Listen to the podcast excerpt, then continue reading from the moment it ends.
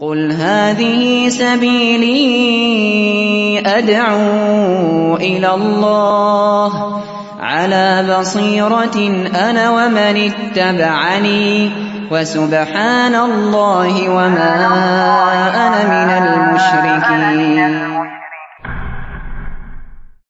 الحمد لله الذي هدانا لهذا وما كنا لنهتدي لولا أن هدانا الله.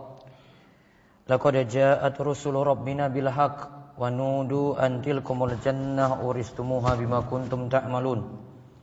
Wa asyhadu an la ilaha illallah wahdahu la syarikalah.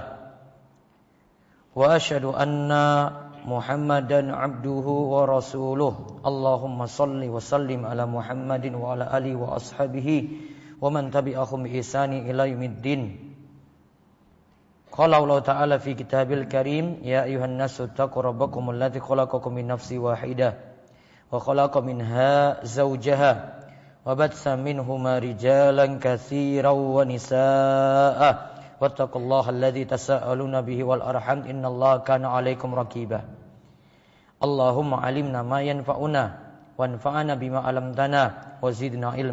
Wa zidna ilma wa arana al-haqqa haqqa warzuqna ittiba'ah. Wa arana al-batila batila warzuqna ijtinabah. Amma ba'd. Masyaallah muslimin rahimani wa rahimakumullah. Segala puji bagi Allah Rabb semesta alam yang memerintahkan kita untuk terus bertakwa kepadanya. Dan pada hari Jumat yang penuh berkah ini kita juga diperintahkan untuk berselawat kepada Nabi akhir zaman penutup para nabi yaitu nabi kita Muhammad sallallahu alaihi wasallam. Dan ada hadis yang menunjukkan keutamaan berselawat kepada beliau dari Abu Hurairah radhiyallahu anhu. Rasulullah sallallahu alaihi wasallam bersabda man shalla alayya salatan wahidatan man shalla alayya wahidatan sallallahu alaihi asyran barang siapa yang berselawat kepadaku sekali maka Allah akan berselawat kepadanya sepuluh kali Masyiral muslimin rahimani wa rahimakumullah. Di antara adab seorang menghadiri khutbah Jumat pernah disebutkan oleh sahabat yang mulia Umar bin Khattab radhiyallahu anhu. Ia pernah berkhutbah pada hari Jumat. Di antara isi khutbahnya ia katakan summa innakum ayuhan nas taquluna syajaratain ma arahuma illa khabisatain al-basala wa thuma. Laqad ara'aitu Rasulullah sallallahu alaihi wasallam idza wajada rihahuma minar rajuli fil masjidi amara bihi fa ukhrija ilal baqi faman akalahuma huma tabakhan. Kemudian sesungguhnya kalian wahai manusia Kalian suka memakan dua pohon yang aku tidak melihatnya melainkan mengandung bau yang tidak menyedapkan yaitu bawang merah dan bawang putih. Padahal sungguh aku melihat Rasulullah Shallallahu Alaihi Wasallam apabila mendapatkan bau keduanya dari seseorang di dalam masjid, beliau memerintahkan agar orang tersebut dikeluarkan ke baki dikeluarkan dari masjid Nabi SAW, masjid Nabawi. Oleh karena itu barang siapa yang makannya kata Nabi, hendaklah menghilangkan bau mulutnya dengan cara bawang tersebut dimasak terlebih dahulu. Hadis ini diriwayatkan oleh Imam Muslim. Maka salah satu adab ketika kita ingin menghadiri sholat Jumat, bau mulut itu dihilangkan yang tidak enak, tidak menyedapkan. Agar tidak mengganggu bau ini di kanan kiri kita. Oleh di zaman ini bau yang ada bisa ditimbulkan dari asap rokok. Maka disarankan kepada bapak-bapak, para remaja putra, jika ingin pergi sholat berjamaah di masjid dan juga termasuk sholat Jumat, tidak mengisap rokok ketika berangkat, sehingga hadis di atas dari Umar bin Khattab itu bisa kita amalkan. Moga Allah senantiasa memberikan kita taufik dan hidayah. Masyiral muslimin rahimani wa rahimakumullah.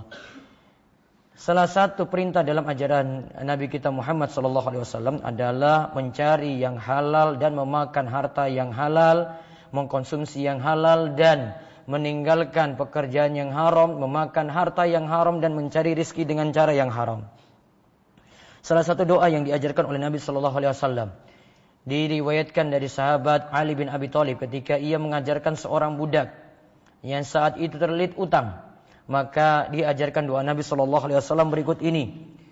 Allahumma kfini bihalalika an haramik wa agnini bifadlika amman siwak. Ya Allah, cukupkanlah aku dengan yang halal dan jauhkanlah aku dari yang haram. Cukupkanlah aku dengan karuniamu supaya bergantung kepadamu, tidak bergantung kepada selainmu.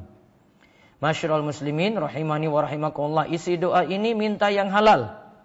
Lalu kita minta pada Allah supaya dijauhkan dari yang haram. Kalau kita lihat yang halal jelas lebih berkah walaupun jumlahnya sedikit dibandingkan dengan yang haram walaupun jumlahnya itu banyak. Ibnu Taimiyah dalam Majmu' al-Fatawa itu mengatakan, "Wal qalilu minal halali yubaraku fihi wal haramul katsiru yadhhabu wa ta'ala." Kata beliau, yang namanya harta halal jumlahnya sedikit itu insya Allah akan membawa keberkahan, membawa kebaikan yang banyak. Sedangkan harta haram yang jumlahnya banyak, tunggu saja nanti waktunya itu akan hilang harta tersebut, akan ludes harta tersebut, dan Allah Subhanahu Wa Taala juga akan menghancurkan harta tadi. Namun saat ini kita lihat di kanan kiri kita dalam mencari rizki tidak peduli halal dan haram. Dan Nabi Shallallahu Alaihi Wasallam juga sudah ingatkan jauh-jauh hari beliau katakan la ya'tiya 'ala nasi zamanun nanti kelak akan datang suatu zaman la yubalil mar'u bima akhadhal mal Orang tidak lagi peduli bagaimana dia itu memperoleh harta. Amin halalin, amin haramin. Apakah dari cara yang halal ataukah cara yang haram. Akhirnya dengan sebab ini orang jadi budak dunia. Ini yang disebutkan dalam hadis Nabi Shallallahu Alaihi Wasallam dari sahabat Abu Hurairah radhiyallahu anhu diriwayatkan oleh Imam Bukhari ta'isa abdud dinar wad dirham wal qatifa wal khamisa in u'tiya radiya wa illam yu'ta lam yarda. Kata Nabi sallallahu alaihi wasallam celakalah budak dunia. Beliau rinci budak dinar, budak dirham, budak budak kotifah. Kotifah itu pakaian yang memiliki beludru. Ada situ unsur sutra di dalamnya. Dan juga budak kamisa, budak pakaian juga yang warnanya itu hitam dan ada bintik-bintik merah. Lantas Nabi SAW katakan, in u'tiya radiyah. Jika ia diberi, dia ridha. Namun ketika dia tidak diberi, maka ia tidak ridha. Hadis ini diriwayatkan oleh Imam Bukhari. Ketika menyebutkan hadis ini dalam Majmu' al-Fatawa Ibnu Taimiyah mengatakan, "Wa huwa abdun abdu hadhil umur." Inilah orang yang jadi budak dari perkara-perkara tadi. Budak duit, budak uang, budak dinar, budak dirham, budak pakaian. Falau talabaha minallah fa inallah idza a'tau iyyaha radiyah. Jika Allah beri apa yang dia cari-cari, dia tuntut dari dunia tadi, maka ia senang. Wa idza mana'a mana'ahu iya sakhita wa inna ma abdul Abdullah mayurdihi mayurdihillah. Namun ketika dia tidak diberi, dia tidak senang, dia murka, dia benci pada Allah. Yang namanya hamba yang sejati itu kalau Allah itu beri maka dia itu ridha. Wa yuskitu ma yuskitullah dan dia juga dia benci apa yang Allah juga benci. Wa yuhibbu mahabballah wa rasuluhu dan dia cinta pada apa yang Allah dan Rasulnya cinta. Wa yubghidu ma Allah wa rasuluhu dan dia benci juga terhadap apa yang Allah dan Rasulnya itu benci. Itu keadaan orang yang cari dunia terus. Pikiran setiap harinya dunia, dunia, dunia, duit, duit, duit, dan duit. Maka dia jadi budak dunia. Keadaan yang pertama ini tidak peduli lagi halal haram. Sudah, pokoknya dapat aja. Keadaan yang kedua, ada orang yang masih peka hatinya. Hatinya masih peduli. Namun sayangnya kurang ilmu. Dia kurang belajar. Inilah yang para ulama ingatkan. Ali bin Abi Thalib radhiyallahu anhu pernah mengatakan, "Man itajara qabla ayatafaqaha irtatama fir riba, summa irtatama summa irtatama." Siapa yang berdagang, masuk pasar jual beli. Namun dia belum paham hukum jual beli, belum paham ilmu agama, hukum jual beli, maka nantinya dia terjerumus dalam riba, dia terjerumus dalam riba, dia terjerumus dalam riba. Umar bin Khattab sejak menjadi khalifah juga memberikan aturan kepada para pebisnis, kepada para pedagang yang ingin masuk pasar. Belajar dulu. Sampai Umar mengatakan la yattajir fi sukina illa man faqiya aklar riba. Janganlah seorang berdagang di pasar kami sampai dia paham betul mengenai seluk-beluk riba. Nggak paham, Umar berarti tidak izinkan masuk pasar. Dan ini berlaku aturan ini dari masa Umar ini, berlaku di masa Utsman, berlaku di masa selanjutnya, khalifah selanjutnya, serta ulama-ulama selanjutnya. Namun sudah hilang aturan semacam ini di masa saat ini. Kalau masa dulu orang yang masuk pasar cuma orang yang ngaji paham agama. Walaupun dia cuma jual telo saja. Walaupun dia cuma jual telur saja. Itu harus paham agama dulu. Nggak paham hukum jual beli, nggak boleh masuk pasar. Karena nantinya dia terjerumus dalam yang haram. Makan riba, zolimi orang, lakukan goror. Untung-untungan dalam jual beli, rugikan orang banyak. Maka memang harus orang yang pakar dalam jual beli baru dia boleh berdagang. Dan memang kalau kita lihat dampak dari seseorang memiliki harta haram, pekerjaan yang haram, itu banyak sekali. Di antaranya tujuh hal berikut ini.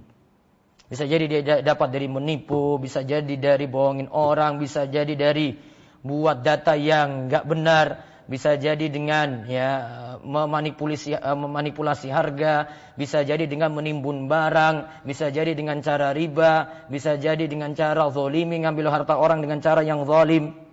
Nah ini akibat akibatnya kita akan sebutkan tujuh. Pertama, makan harta haram itu berarti mendurhakai Allah dan mengikuti langkah syaitan. Disebutkan dalam Al-Baqarah 168. Ya ayuhan nasu kulu mimma fil ardi halalan thayyiba wa la tattabi'u khutuwati syaitan innahu lakum aduwwum mubin. Wahai manusia, makanlah apa-apa yang ada di muka bumi yang halal yang thayyib, namun janganlah ikuti langkah-langkah syaitan. Maka perintah Allah kita disuruh konsumsi yang halal. Tidak ikuti langkah syaitan. Di antara bentuk langkah syaitan adalah menjerumuskan kita dalam memakan yang haram. Innahu lakum aduwwum mubin. Setan itu sesungguhnya musuh yang nyata bagi kalian. Lalu yang kedua, makan harta haram punya pengaruh ibadah kita jadi malas-malasan, subuh jadi malas, bangun pergi untuk berangkat subuh jadi malas, azan tidak dipedulikan, kemudian sholat berjamaah tidak pernah peduli, ada panggilan as-salatu khairum minan naum, lanjut tidur terus, ada panggilan azan hayya ala sholah hayya ala falah, telinganya seperti kesumbat, tidak pernah datang ke masjid, ada panggilan ngaji tidak pernah mau hadiri majelis ilmu, ada panggilan untuk makan sahur puasa wajib juga tidak mau peduli. Itu karena di antara bentuknya pengaruh harta haram. Allah itu katakan kepada para rasul, "Ya ayyuhar rusulu kulu minat thayyibati wa'malu shalihah inni bima ta'maluna alim." Wahai para rasul, makanlah dari yang thayyib-thayyib, yang halal-halal. Kata Said bin Jubair dan juga Abdullah katakan, thayyibat di sini adalah makan yang halal. Wa'malu shalihah dikaitkan dengan lakukan amal soleh. Ini bima maluna alim. Aku uh, mengetahui apa yang kalian lakukan. Manusia lakukan apa pun Allah ketahui. Di sini kata para ulama karena dikaitkan antara amal soleh itu dengan makanan halal, maka menunjukkan makanan halal punya pengaruh untuk amal seseorang. Ibadahnya makin rajin dikarenakan dia mengkonsumsi yang halal. Berarti dia jauhi harta-harta haram. Maka bisa jadi kita itu malas bangun subuh, di masjid kok sepi terus, terus tidak pernah sadar untuk sholat berjamaah, itu dikarenakan harta haram yang masih dimiliki. Sampai ini dibersihkan dulu, baru ibadah bisa giat. Yang ketiga, memakan harta haram juga jadi kebiasaan orang Yahudi. Orang Yahudi itu biasa konsumsi riba. Maka siapa yang mengikuti ini dengan harta haram dia miliki hobi terus dengan harta tersebut, maka jejak langkah Yahudi dia ikuti. Lalu keempat, badan yang tumbuh dari harta haram, ada daging yang tumbuh dari harta haram, maka berhak disentuh api neraka. Neraka yang berhak nyantap daging tersebut. Hal ini sebagaimana Nabi SAW pernah nasihati Ka'ab. Ya Ka'ab bin Ujrah, innahu la yarbu lahmun nabata min suhtin illa kanatin naru awla bihi. Wahai kabin ujrah, sesungguhnya daging yang tumbuh berkembang dari suatu yang haram akan berhak dibakar dalam api neraka. Akan berhak dibakar dalam api neraka. Dagingnya berhak disantap dalam api neraka. Lalu yang kelima lagi, doa sulit terkabul dikarenakan harta yang haram. Nabi SAW pernah menyebutkan tentang seorang lakukan perjalanan jauh, kemudian dalam dalam keadaan sangat butuh pada Allah, kemudian dia menengadahkan tangannya, angkat tangan ke langit untuk berdoa. Lantas dia berdoa, Ya Rabbi, Ya Rabbi, wahai Rabbku, wahai Rabbku. Lantas dia meminta apa apa saja ketika itu. Namun Nabi SAW katakan, wa mat'amu haramun, wa mashrabu haramun, wa malbasu haramun, wa bil harami, fa anna yustajabu lidhalik. Dia makan dari yang haram, dia minum dari yang haram, dia berpakaian dari yang haram, pekerjaannya juga haram, bagaimana mungkin doanya itu bisa terkabul. Kata Imam Ibn Rajab Al-Hambali bahwasanya empat hal sudah dia penuhi. Dia safar. Kemudian dia dalam keadaan butuh pada Allah, kemudian dia dalam keadaan mengangkat tangan, kemudian dia menyebut-nyebut nama Allah, muji-muji Allah. Namun sayangnya dia masih mengkonsumsi yang haram, itu mengakibatkan doanya sulit terkabul. Kemudian yang keenam, harta haram membuat kaum muslimin jadi mundur dan hina. Adik-adik, orang yang di belakang. Diam, Eh, yang di belakang itu, si siapa ini? Coba balik ke depan. Yalah. Bisa cepat.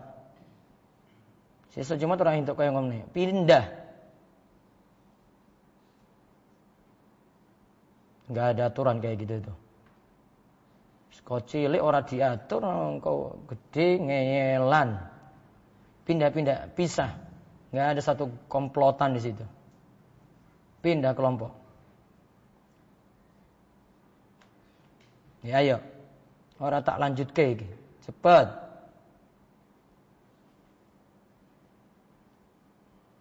Ndak tak uring-uring meneh iki bar Jumatan nanti.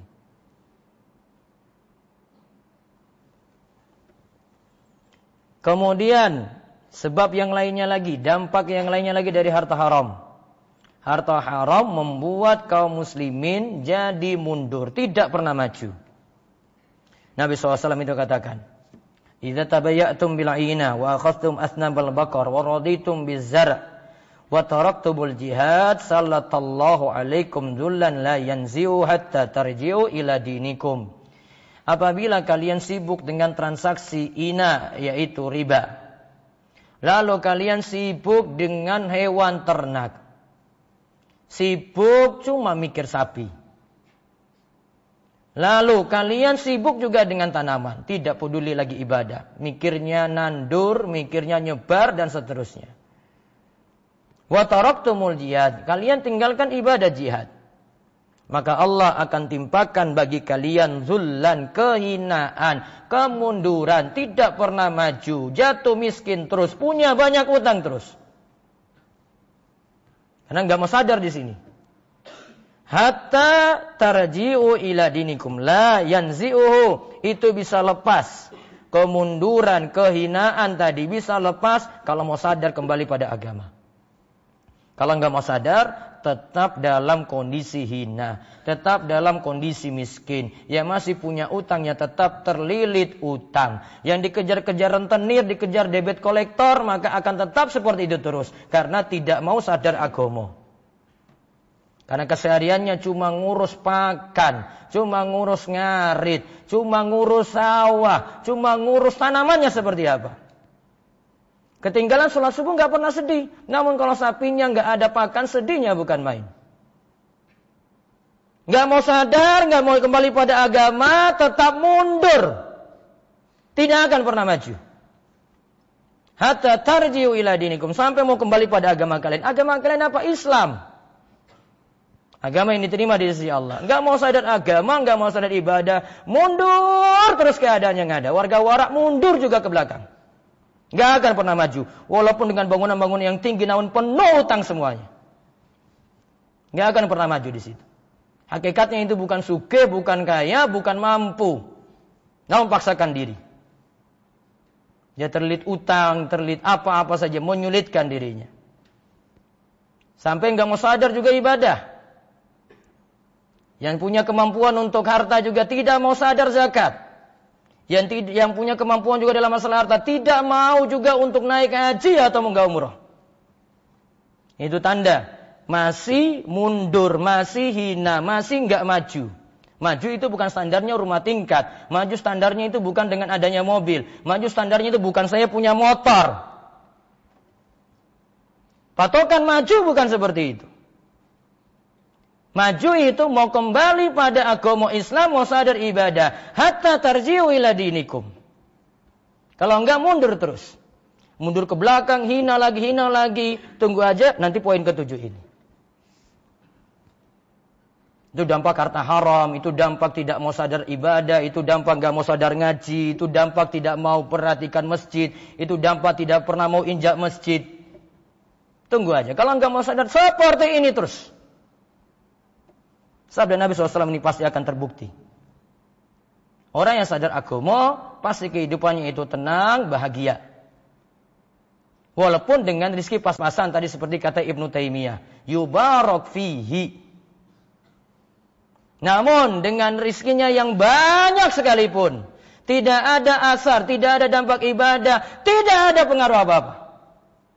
Walaupun punya truk berapa, walaupun punya bis berapa, walaupun punya mobil bagaimana juga. Tidak ada punya pengaruh pada ibadah, maka tidak ada manfaat harta, harta itu sama sekali. Harus sadar agama dulu. Itu kunci kemajuan suatu bangsa, kunci kemajuan suatu seseorang itu seperti itu. Lalu yang terakhir, kalau harta haram masih dikonsumsi, tunggu musibah datang, tunggu bencana datang, tunggu ujian-ujian berat itu akan menimpa. Nabi Shallallahu Alaihi Wasallam itu mengatakan, "Ida zina, jika zina perselingkuhan sudah semakin merajalela, riba fi dan riba itu sudah ada di mana? Dalam suatu kampung, bukan negara, kampung dulu. Negara urusan lebih besar lagi. Kampung sudah gemar dengan riba. Mau pinjam apa-apa, pokoknya golek rentenir, pokoknya harus sertifikat, datang ke bank, minjam uang. Mau dapat motor, pokoknya kredit saja. Nah, itu riba itu namanya. Riba di mana-mana faqada ahalu bi anfusim Allah. Maka tunggu saja dia itu sebenarnya sedang meminta Allah turunkan azab sedang meminta Allah turunkan musibah, sedang meminta Allah turunkan malapetaka. Bisa jadi nanti bencana besar, tsunami datang, gempa bumi itu datang. Bisa jadi kekeringan berkepanjangan, asap di mana-mana. Bisa jadi penyakit gak kunjung-kunjung sembuh. Keluarga punya masalah macam-macam. Dalam rumah tangga sering bertengkar. Anak jadi anak yang durhaka. Anak berani nantang-nantang orang tua.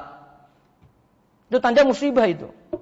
Anak suara keras di hadapan orang tua. Anak tidak dituruti, jalok motor tidak dituruti, pingin gantung diri. Wah anak durhaka ini, itu musibah juga dalam rumah. Bisa jadi karena ada yang haram yang dikonsumsi, belum sadar ibadah tadi. Zina di mana-mana dalam suatu negeri. Riba itu masih merajalela. Ah tunggu saja musibah itu akan turun. Itu tunjuk dampak yang ini bukan biasa-biasa, namun harus kita perhatikan. Orang yang mau memperhatikan ini cuma yang punya hati yang bersih. Jika tidak punya hati, tidak mungkin perhatikan ini. Ada halal haram dia itu perhatikan Jumat ke Jumat diingatkan.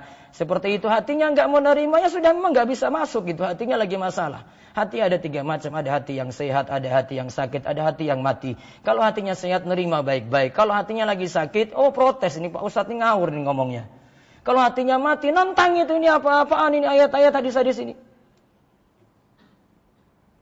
Yang bisa menerima liman kana lahu qalbun au sam uh, liman kana lahu qalbun alqasama wa huwa syahid.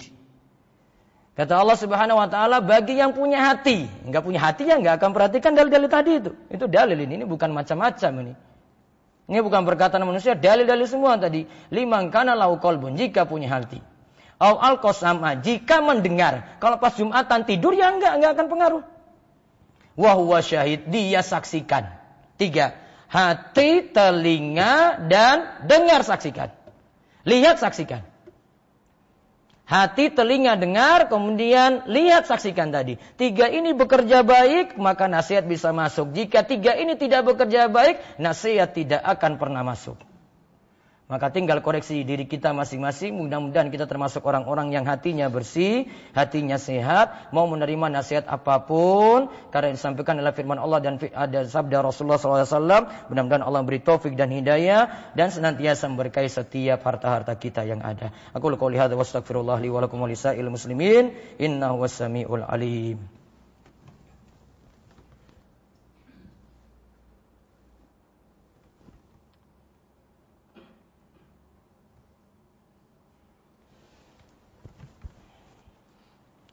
Ahmadu Rabbi wa ashkuruhu wa asyhadu an la ilaha illallah wahdahu la syarikalah wa asyhadu anna nabiyyana Muhammadan abduhu wa rasuluh Allahumma salli ala nabiyyina Muhammad bin Abdullah wa ala alihi wa man tabi'ahum bi ihsanin ila yaumiddin amma ba'du fa ya ayyuhan nas ittaqullaha ta'ala wa darul fawahisha ma dhara minha wa ma batan wa hafizu ala ta'ati wa huduril jum'ati wal jama'ah wa alamu anna Allah amarakum bi amrin bada'a fi bi nafsihi wa sanna bi malaikati qudsi fa qala ta'ala wa lam yazal qailan aliman inna Allah wa malaikatahu yusalluna 'alan nabi ya ayyuhalladzina amanu sallu alaihi wa sallimu taslima Allahumma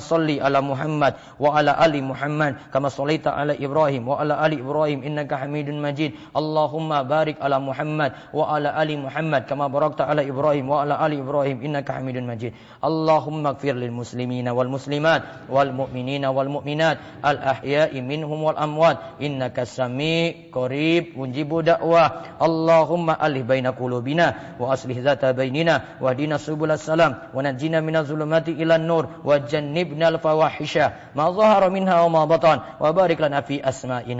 وأبصارنا وقلوبنا وأزواجنا وذريتنا وتب علينا إنك أنت التواب الرحيم. واجعلنا شاكرين لنعمك مسنين بها عليك. قابلين لها واتمها علينا. ربنا هب لنا من أزواجنا وذريتنا قرة أعين. واجعلنا للمتقين إماما. اللهم اكفنا بحلالك عن حرامك وأغننا بفضلك عمن سواك. اللهم إنا نعوذ بك من زوال نعمتك وتحول أفيتك وفجاءة نعمتك وفجاءة نقمتك wa jami'i saqatik. Rabbana atina fid dunya hasanah wa fil akhirati hasanah wa qina adzabannar. Wassallallahu ala nabiyyina Muhammadin wa ala alihi wa sahbihi wa man tabi'ahum bi ihsani ila yaumiddin wa akhiru da'wana anil hamdulillahi rabbil alamin.